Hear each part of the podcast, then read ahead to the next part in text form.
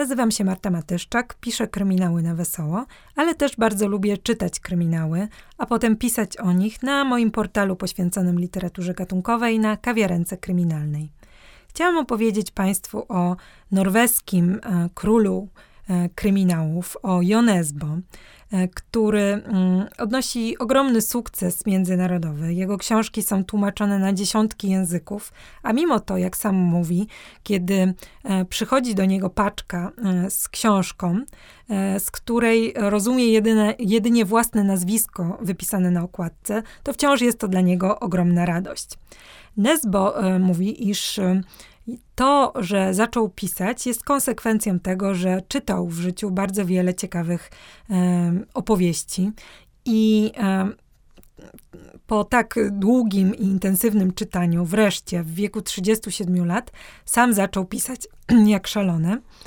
I e, konsekwencją tego e, mamy już dzisiaj 12 tomów przygód Harego Hola, e, śledczego z Oslo a także kilka e, takich osobnych e, powieści e, kryminalnych.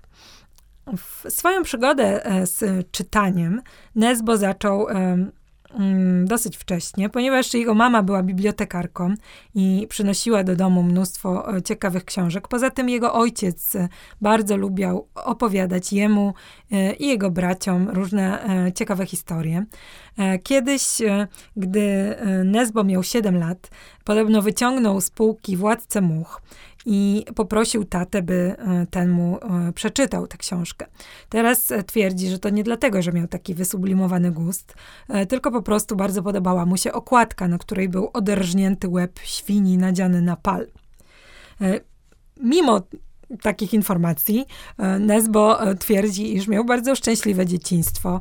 Jedyne mm, co e, było taką jego bolączką, to przeprowadzka z Oslo e, do Molde, e, do miejscowości na zachodnim wybrzeżu Norwegii, gdzie czuł się bardzo samotny. Ale z drugiej strony uważał, że mm, teraz uważa, że kiedy czujesz się bardzo samotny, to e, wtedy możesz wymyślać ciekawsze historie, bo te, które przydarzają ci się na co dzień, e, no, nie są zbyt interesujące, więc uruchamiasz swoją wyobraźnię i e, wymyślasz coś e, o wiele bardziej pasjonującego. W ogóle Jonesbo jest człowiekiem wielu talentów. Przeróżne zawody wykonywał w swoim życiu. E, między innymi był taksówkarzem. E, poza tym grał także w piłkę nożną. E, nawet już tak na takim bardziej zawodowym poziomie. Jego marzeniem było granie w Tottenhamie. Aczkolwiek, no niestety doznał kontuzji i nic z tego nie wyszło. Teraz śmieje się, że to nie jest zbyt wielka strata dla, dla Tottenhamu. Nie, nie wiadomo jak dla niego kiedy um, przestał grać przymusowo w piłkę, e, wtedy um, okazało się, że ma problem, ponieważ do tej pory, planując swoją karierę piłkarską, nie za bardzo dbał o oceny w szkole i um, teraz nie mógł zdać na studia. Dlatego poszedł do wojska i tam wieczorami e, zakuwał do egzaminów, aż wreszcie zdał na ekonomię do Bergen e, i tam e, w stołówce studenckiej podszedł do niego e, jakiś chłopak i zapytał, no słuchaj Nesbo, ja słyszałem, że ty grasz na gitarze. Nesbo przy, przyznał mu rację, ale teraz twierdzi, że to nie była do końca prawda, ponieważ znał tylko kilka chwytów, kilka akordów gitarowych, ale w ten sposób stał się członkiem zespołu rockowego. Jak twierdzi, grali tak źle, że e, odchodzili od nich kolejni wokaliści, aż wreszcie ktoś pchnął jo w stronę e, mikrofonu i stał się mm, nie tylko kompozyto kompozytorem, e, nie tylko twórcą tekstów, ale także wokalistą.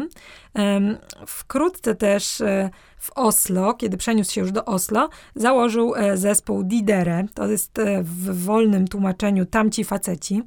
Z nimi gra do dzisiaj ileś koncertów rocznie wciąż, e, wciąż grają, e, mają e, różne no jeżdżą po całym świecie, by, by, by te koncerty grać. A w samej Norwegii byli dosyć popularni, a przynajmniej tak się wydawało Nesbo, ale o tym za chwilę. Kiedy mm, Nesbo zaczynał swoją karierę muzyczną, pracował także jako makler.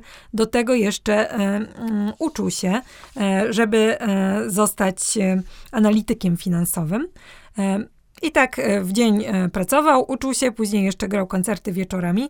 E, wreszcie po roku takiego życia miał już serdecznie dosyć, czuł się wypalony i poprosił o pół roku przerwy, zarówno w pracy, jak i kolegów z zespołu. To się też zbiegło ze śmiercią jego ojca, który odszedł w 97 roku w wieku 72 lat. Nesbo wiedział, że jego tata zawsze chciał napisać książkę o tym, co go spotkało w trakcie II wojny światowej, ale nigdy nigdy nie zdążył. Więc teraz e, Jo stwierdził, że to jest e, najwyższa pora na to, żeby spełniać swoje marzenia. On również zawsze chciał napisać książkę e, o tym, jak gra się w zespole rockowym. Wziął wolne, wsiadł w samolot i poleciał z Oslo do Australii przez te kilkadziesiąt godzin lotu e, wymyślił fabułę swojej powieści. E, przy czym e, nie miała ona nic wspólnego z życiem zespołu rockowego, ponieważ Nesbo uznał, że tak naprawdę warto pisać tylko o morderstwie i o miłości. I wylądował w Sydney Zamieszkał w hotelu, cierpiał z powodu zmiany czasu, ale cały czas pisał. Pisał o facecie, który wylądował w Sydney, który zamieszkał w tym samym hotelu i również cierpiał e, z powodu zmiany czasu. E, I pisał jak szalony. To, e, jak przyznaję, były najlepsze chwile w jego życiu. Kiedy wrócił do Oslo, miał już prawie całą książkę gotową. Dokończył ją pisać, tylko denerwując się tym, że musi robić przerwy na spanie, na jedzenie i wysłał e, ją do, wydaw, do kilku wydawców. E, rzucił pracę całkowicie, e, po czym przez trzy tygodnie szwendał się po mieście i zastanawiał, czy to była dobra decyzja, czy ktoś zechce wydać jego książkę. Nie podpisał się swoim nazwiskiem, tylko pseudonimem. Wreszcie zadzwoniono do niego że, mm, z informacją, że chętnie wydadzą jego książkę Człowieka Nietoperza. E, I spytano, dlaczego użył pseudonimu Kim Erik Locker. No bo powiedział, że dlatego, że jego nazwisko jest dość znane w e, Norwegii. Spytano, a dlaczego? No, powiedział dlatego, że gra w e, zespole rockowym. Dalej e, wśród pracowników wydawnictwa panowała cisza. Wreszcie wyjawił nazwę zespołu. Dwie osoby zaczęły nucić. Mm, trzecia zaśpiewała piosenkę. No nie była to piosenka zespołu Didere każdym razie myślę, że Nesbo jednak stał się bardziej popularny ze względu na swoje książki niż na muzykę, choć jest to bardzo, bardzo przyjemny, bardzo przyjemne tony są to. E, jego rodzice w trakcie mm, II wojny światowej walczyli po przeciwnych stronach, e, ponieważ jego tata e, współpracował z Niemcami. Mama za to walczyła w norweskim ruchu oporu.